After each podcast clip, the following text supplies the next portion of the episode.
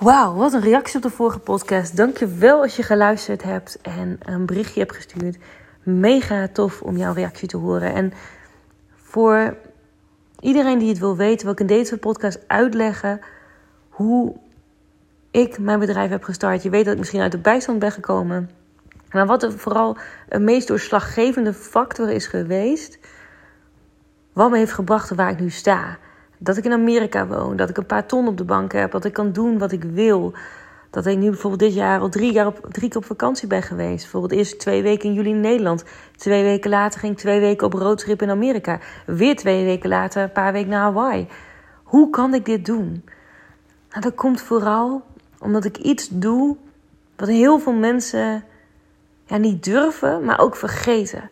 Heel vaak in business coaching land wordt er gefocust op strategie. En ja, strategie is belangrijk. Natuurlijk moet je weten een beetje hoe ondernemen werkt. Maar ik denk dat er iets is wat veel belangrijker is. Als ik kijk naar toen ik begon met ondernemen, had ik niemand om me heen die erin geloofde. Ik zat in de bijstand, ik had paniekaanvallen, durfde mijn huis niet uit. Ik was uh, bijna een jaar aan het bloggen, aardig wat volgers opgebouwd, toffe deals met bedrijven. Waar ik niet van kon leven trouwens. Want er waren vaak deals van 50 euro of 100 euro voor een post. Hè. Ik bedoel, kun je van, uh, kun je van leven. En ja, ik was maatschappelijk werken ervoor in de terminale zorg. En mensen zeiden, ga gewoon weer aan het werk, Kim. Ga gewoon weer een baan vinden. Als jij solliciteert, krijg je zo weer een baan. Maar ik voelde dan alles, dat is het gewoon niet meer. En het UWV zei toen tegen mij, word maar ondernemer. En die keuze maken, terwijl je geen goede cent meer op de bank hebt... Want mijn werkgever betaalde me ook nog niet eens uit. Um, want die was niet zo blij dat ik ziek was ja, dat is een enorme bold keuze. Weet je, om dan te zeggen, ik ga gewoon. Maar ik voel dan alles, ik ben zo fucking klaar met die klote UWV. Ja, sorry, het is mooi dat het bestaat, maar ik was er zo klaar mee met die afhankelijkheid. En elke keer maar hopen dat ik geen gezeur kreeg. Ik was er gewoon zo klaar mee dat ik dacht, ik wil dit gewoon niet meer. En ik heb alles op alles gezet. Ik ben gaan netwerken. Ik heb allemaal dingen gedaan die ik eng vond om maar verder te komen. En dat heeft me enorm veel gebracht. En na een jaar ongeveer begon het echt te lopen. Begon er steeds meer inkomen te komen. Ik durfde steeds beter te verkopen, want dat durfde ik eerst helemaal niet meer.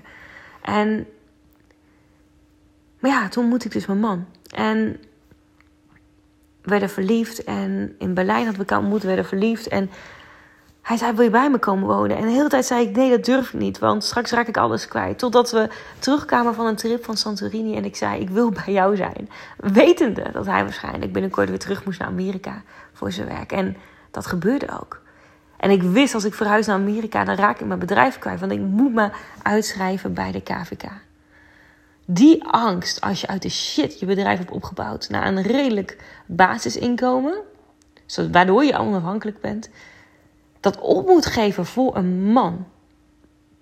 Terwijl je eigenlijk iemand bent die graag onafhankelijk is. Dat is rete eng. In een land waar je ook niemand kent. Geen familie hebt, geen vrienden hebt. Waar je een, een staat waar je maar daarvoor tien dagen bent geweest omdat je een huis moest kopen. Geen idee hebt waar je in godsnaam terechtkomt. Dat is doodeng.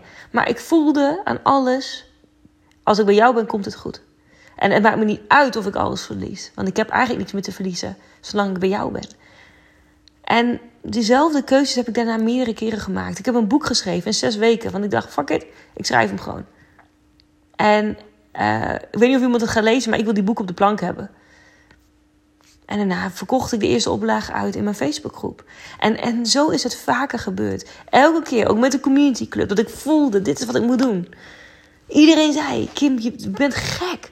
Niemand doet dit. Niemand doet dat met Facebookgroepen. Niemand, er is geen markt voor. Oh ja, maar het voelt juist. En een van de dingen wat ik heb geleerd de afgelopen jaren is, en bleek ook uit mijn human design, is mijn mild, mijn intuïtie is enorm sterk ontwikkeld. In de terminale zorg, het klinkt misschien creepy, als ik binnenstapte voelde ik, oh die, die persoon die, die is niet lang meer bij ons.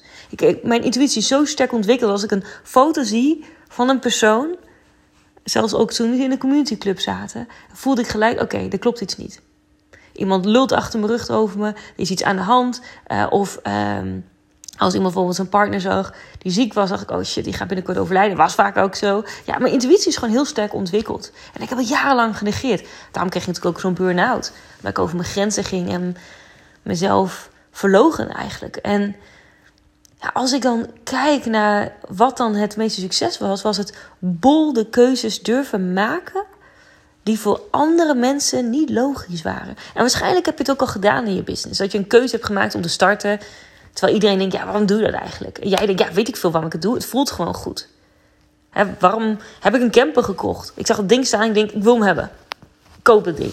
En het voelt fantastisch. Elke keer als ik er rijd, denk waanzinnig. En waarschijnlijk ook elke keer als je op je praktijkruimte zit, denk je, ja, dat is het. Maar het strookt misschien nog niet helemaal. Dan is de keuze niet zozeer als je nu wil verdubbelen in je omzet om, en, en wil gaan opschalen, vooral in vrije tijd en meer bij je kids zijn en hè, echt goed van kunnen leven, dan is niet de, de key om dat te bereiken zozeer strategie. De key is bij 90% van de mensen die ik spreek, is het een keus maken. En dat is moeilijk. Ik weet dat het moeilijk is. Maar je moet vertrouwen op je intuïtie. En je moet ook ja, moeten kunnen kiezen welke keuze is dan het beste voor jou. Nou, daar help ik mensen bij. En nou, in mijn vorige podcast heb ik ook verteld, als je interesse hebt kun je gesprekken me aanvragen. Eh, ik help elk jaar een paar mensen. Um, naast mijn projecten die ik ernaast heb lopen in mijn business. Waar ik mensen opleid. En ja, wat dus... Wat ik er vandaag vooral mee, mee wil geven... is kijk eens heel erg zuiver naar je bedrijf. Is dit echt wat je wilt? Is dit ook wat je wil in de toekomst? En welke bold move kun je nu maken om verder te komen? Want waarschijnlijk doe je nu niet helemaal meer wat bij je past. Maar doe je het omdat iedereen zegt je hebt er veel nodig. Of iedereen zegt ja, dit is de manier waarop je moet verkopen. Terwijl jij denkt ik wil maar geen Facebook. Hey, dat is helemaal niet nodig hè. Maar jij hebt in je hoofd bepaald dat je dit nodig hebt. Dus wanneer neem je afscheid van die verhalen? Wanneer neem je afscheid van wat heurt? Hè, wat iedereen zegt wat je moet doen? En wanneer ga je doen wat juist voelt? Daar ben ik heel benieuwd naar. Laat je me weten in een DM. Ik spreek je snel.